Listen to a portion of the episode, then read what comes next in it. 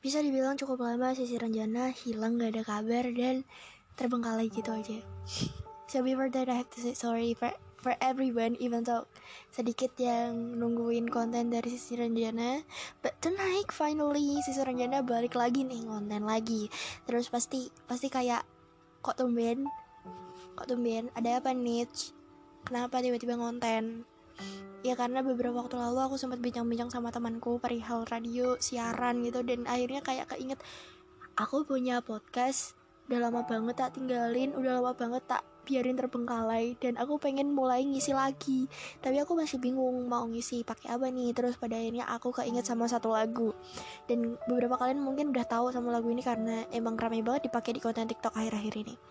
Judul lagunya adalah seperti eh seperti sampai jadi debu lagu ini tuh udah lama banget aku dengerin cuman karena kembali ramai lagi dan banyak yang menyertakan liriknya. Karena dulu kan aku denger cuman gak sekedar denger wah bagus nih melodinya wah bagus nih musiknya gitu doang kan. Cuman sekarang kayak udah tahu isi liriknya yang ternyata dalam banget apalagi di lirik yang aku di yang yang satu dan aku di sebelahmu. Itu kayak dalam banget. So lagu ini kembali ramai karena Beberapa hari lalu kita dapat kabar duka dari kakak kita, Kak Vanes dan juga suaminya karena mengalami musibah sampai mereka harus pulang mendahului kita, mereka pulang ke rumah Tuhan Yang Maha Esa.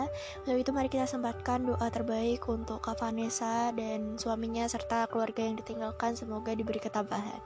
Kembali lagi di perbincangan kita yang tadi mengenai lagu Sampai Jadi Debu. So lagu ini tuh kayak bikin aku tertarik lagi itu kan. Terus jadi aku dengerin lagi itu sampai full di YouTube aku dengerinnya. Sambil aku dengerin lagu itu sampai full aku buka komentar yang ada di lagu tersebut. Dan kalian tahu sih komentarnya apa? Komentarnya berisikan tentang cerita-cerita kehidupan yang dialami oleh Sander ya.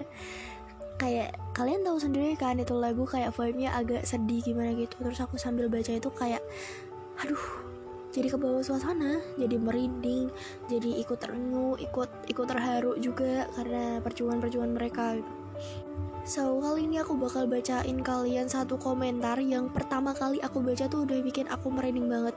Gak tau di kalian nanti bisa merinding atau enggak but di aku gitu di aku merinding banget gitu.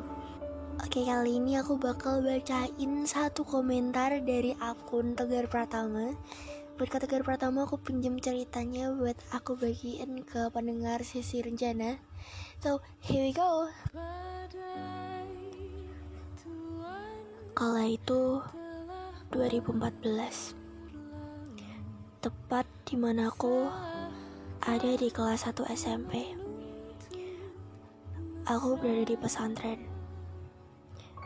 Di hari Minggu saat sekolah libur, aku ingin sekali pulang untuk menjenguk bapak yang sedang sakit. Saat aku mau pulang, tiba-tiba kakek dan kakakku datang untuk menjengukku. Aku yang senang karena ada yang menjengukku, tapi aku juga muram. Tak bisa bertemu bapak. Tapi kata kakekku menenangkan. Kata beliau, bapakku masih sakit biasa. Di malam harinya, Aku rasa suasana tak seperti biasanya. Aku yang biasa happy saat mengaji, tapi kali ini aku kepikiran bapak, bapak, dan bapak. Jam setengah tiga, ketika aku tertidur nyenyak, aku dijemput oleh Pak D untuk pulang. Kata beliau, ayo nak pulang dulu, bapakmu kangen kamu. Ya udah, aku pun siap-siap pulang dan untuk izin kepulangan santri akan diurus oleh Pak D. Dari pesantren ke rumah jaraknya agak lumayan jauh, sekitar 30 menitan untuk sampai. Sesampainya di depan rumah tiba-tiba sudah banyak orang. Pikiranku sudah ke mana-mana tentunya. Aku pun langsung turun dari mobil dan meneteskan air mata. Dan sesampainya di kamar bapak, sudah ada ibu, bule, dan bauti yang lagi bacain yasin.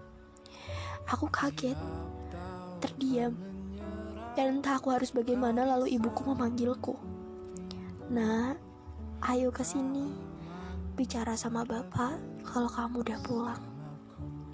Aku pun nurut, Ketika aku bicara di telinga bapak sambil memeluk beliau, ada tangisan yang terdengar sangat histeris di belakangku. Dan ternyata itu ibuku. Ketika aku menghadap ke wajah bapak, ternyata beliau sudah pergi. Beliau pulang. Beliau pulang untuk selamanya. Rasanya sedih sekali, karena dua bulan lagi aku akan mengikuti hataman Al-Quran. Tapi meskipun beliau tidak nampak hadir dalam acara tersebut, aku yakin beliau pasti sudah melihat anaknya yang lebih baik. Bahagia, nggih, Pak. Aku tulis di sini biar semua orang tahu kalau Tegar sayang sama Bapak. Al-Fatihah.